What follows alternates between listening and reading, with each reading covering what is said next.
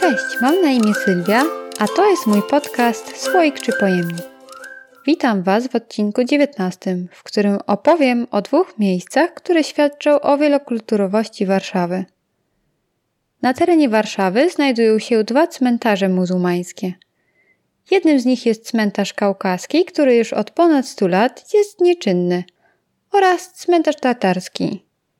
Przyznam Wam, że dotąd o Tatarach w Warszawie niewiele wiedziałam. Znam historię polskich Tatarów z Podlasia, z miejscowości Bochoniki i Kruszyniany. Każdy na pewno słyszał o tej ludności, o jej niezwykle barwnej kulturze. Czują się oni Polakami i tak też jest, ponieważ na przestrzeni wieków nasze kultury splatały się ze sobą. Również zawierane przez nich związki z Polkami przyczyniły się do mm, wymieszania obu kultur. Ciekawostką jest, że Henryk Sienkiewicz najprawdopodobniej również wywodzi się z Tatarów osiadłych na Litwie. Dlaczego chciałabym opowiedzieć o tych dwóch cmentarzach? Dlatego, że jest to Warszawa mniej znana i nie każdy o nich słyszał. Pierwszym i zarazem najstarszym cmentarzem jest muzułmański cmentarz kaukaski. Zlokalizowany jest on przy ulicy Młynarskiej 60. Zajmuje teren tysiąca metrów kwadratowych.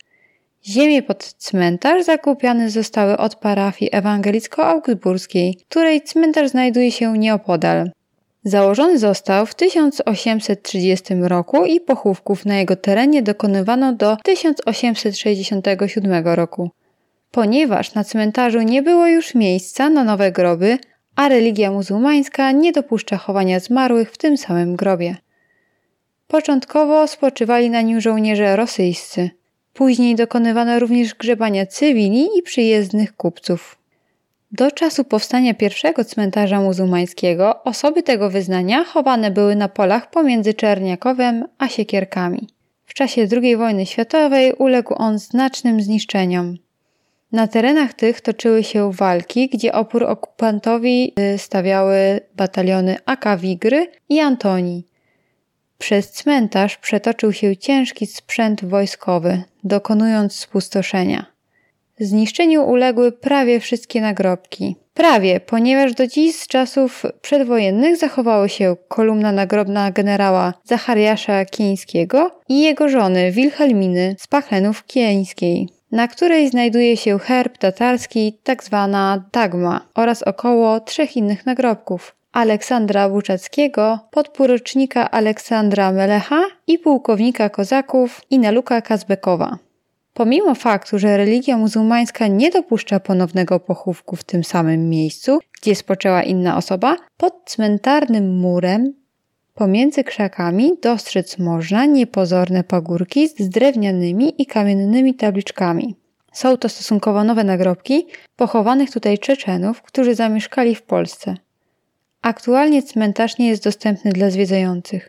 Od 2014 roku jest pomnikiem historii. Ogrodzony jest masywnym ceglanym murem ze stalową bramą. Drugim cmentarzem muzułmańskim w Warszawie jest muzułmański cmentarz tatarski, zlokalizowany przy ulicy Tatarskiej 8.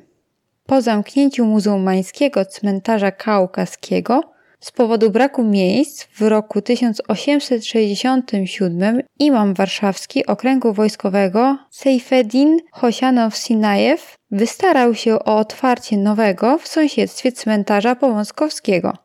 Początkowo zajmował powierzchnię pół hektara, dziś położony jest na jednym hektarze. Tak jak na pierwszym cmentarzu, tak i tutaj początkowo chowani byli żołnierze wojsk rosyjskich. Z czasem jednak zaczęto dokonywać pochówków polskich Tatarów, a następnie innych muzułmanów bez znaczenia z jakiego kraju pochodzili. Oficjalnego przekazania cmentarza władzy cywilnej dokonano dopiero w 1935 roku, kiedy to większość muzułmańskich żołnierzy odeszła z wojska. Dawniej cmentarz dzielił się na dwie części. Prawą od strony wejścia, gdzie grzebani byli bogatsi muzułmanie, i lewą, gdzie spoczywali ci biedniejsi. Później podział ten przestał być respektowany. Dziś podział cmentarza jest nieco inny. Też dzieli się wyraźnie na prawą i lewą stronę, ale geneza tego zjawiska jest całkiem inna. Po lewej stronie od wejścia zauważyć można, że jest bardzo mała ilość nagrobków. Jest ich zaledwie kilka, a ta część cmentarza wydaje się opustoszała i opuszczona. Jest to związane z działaniami z czasów II wojny światowej, kiedy to w 1942 roku niemieckie czołgi i ciężki sprzęt wojskowy wjechały na teren cmentarza, aby skryć się przed rosyjskim nalotem, niszcząc część płyt nagrobnych. Inne zostały zniszczone w 1944 roku, kiedy to na terenach tych trwały walki związane z powstaniem warszawskim. Wówczas spaleniu uległa cała dokumentacja. W części tej, choć tak bardzo zniszczonej, znajdują się najstarsze zachowane nagrobki. W miejscu, gdzie dawniej znajdowały się inne, nie powstaną nowe, zgodnie z tym, co mówiłam przy muzułmańskim cmentarzu kaukaskim. Islam nie dopuszcza grzebania zmarłych w miejscu, gdzie wcześniej już ktoś spoczął.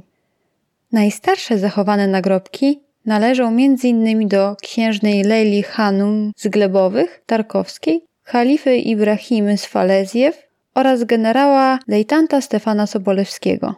Chociaż jest ich niewiele, to zachował się też nagrobek w kształcie minaretu należący do Abdullah Halika VIII, który był dublerem i woltyżerem filmowym. Mężczyzna ten zmarł tragicznie w wieku zaledwie 29 lat 13 marca 1932 roku.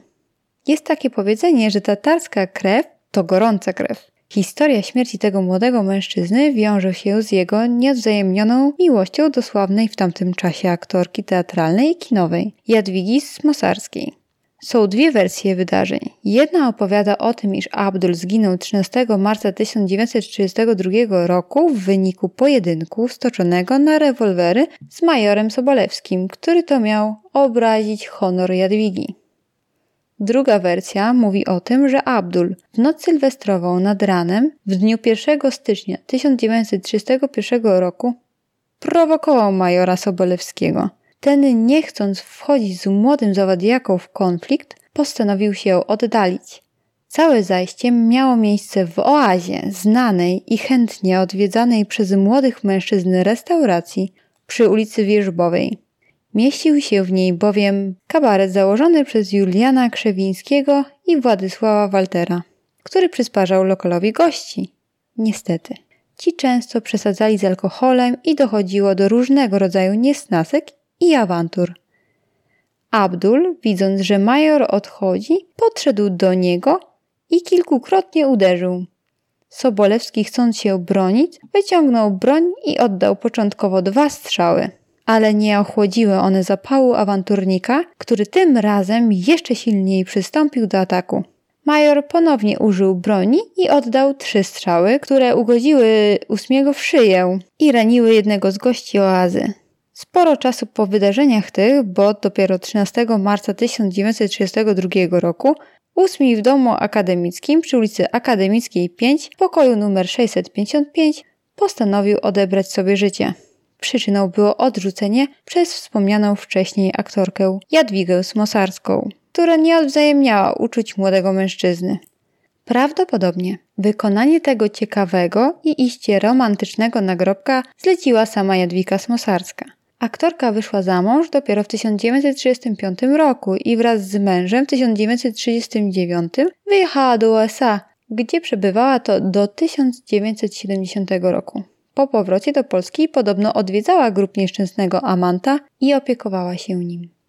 Wracając do samego cmentarza, jest on dalej wykorzystywany i odbywają się na nim pochówki zmarłych muzułman. Nie można dokonywać na nim grzebania prochów osób skremowanych, gdyż islam nie dopuszcza palenia zwłok. Mizer ten, bo tak po arabsku nazywa się cmentarze muzułmańskie, jest obiektem zabytkowym i znajduje się pod opieką Wojewódzkiego Konserwatora Zabytków. Jeżeli chcesz odwiedzić to miejsce, to ważnym jest, aby zachować odpowiedni szacunek i zakryć ciało. Dodatkowo kobiety powinny zasłonić włosy. To już wszystko w tym odcinku. Nie wyczerpałam tematu, Dlatego też zachęcam, aby poczytać o osobistościach pochowanych na muzułmańskim cmentarzu tatarskim, gdyż jest tam sporo ciekawych postaci, między innymi książę Azerbejdżanu. To już wszystko na dziś. Zapraszam do kolejnych odcinków mojego podcastu. Do usłyszenia. Pa pa!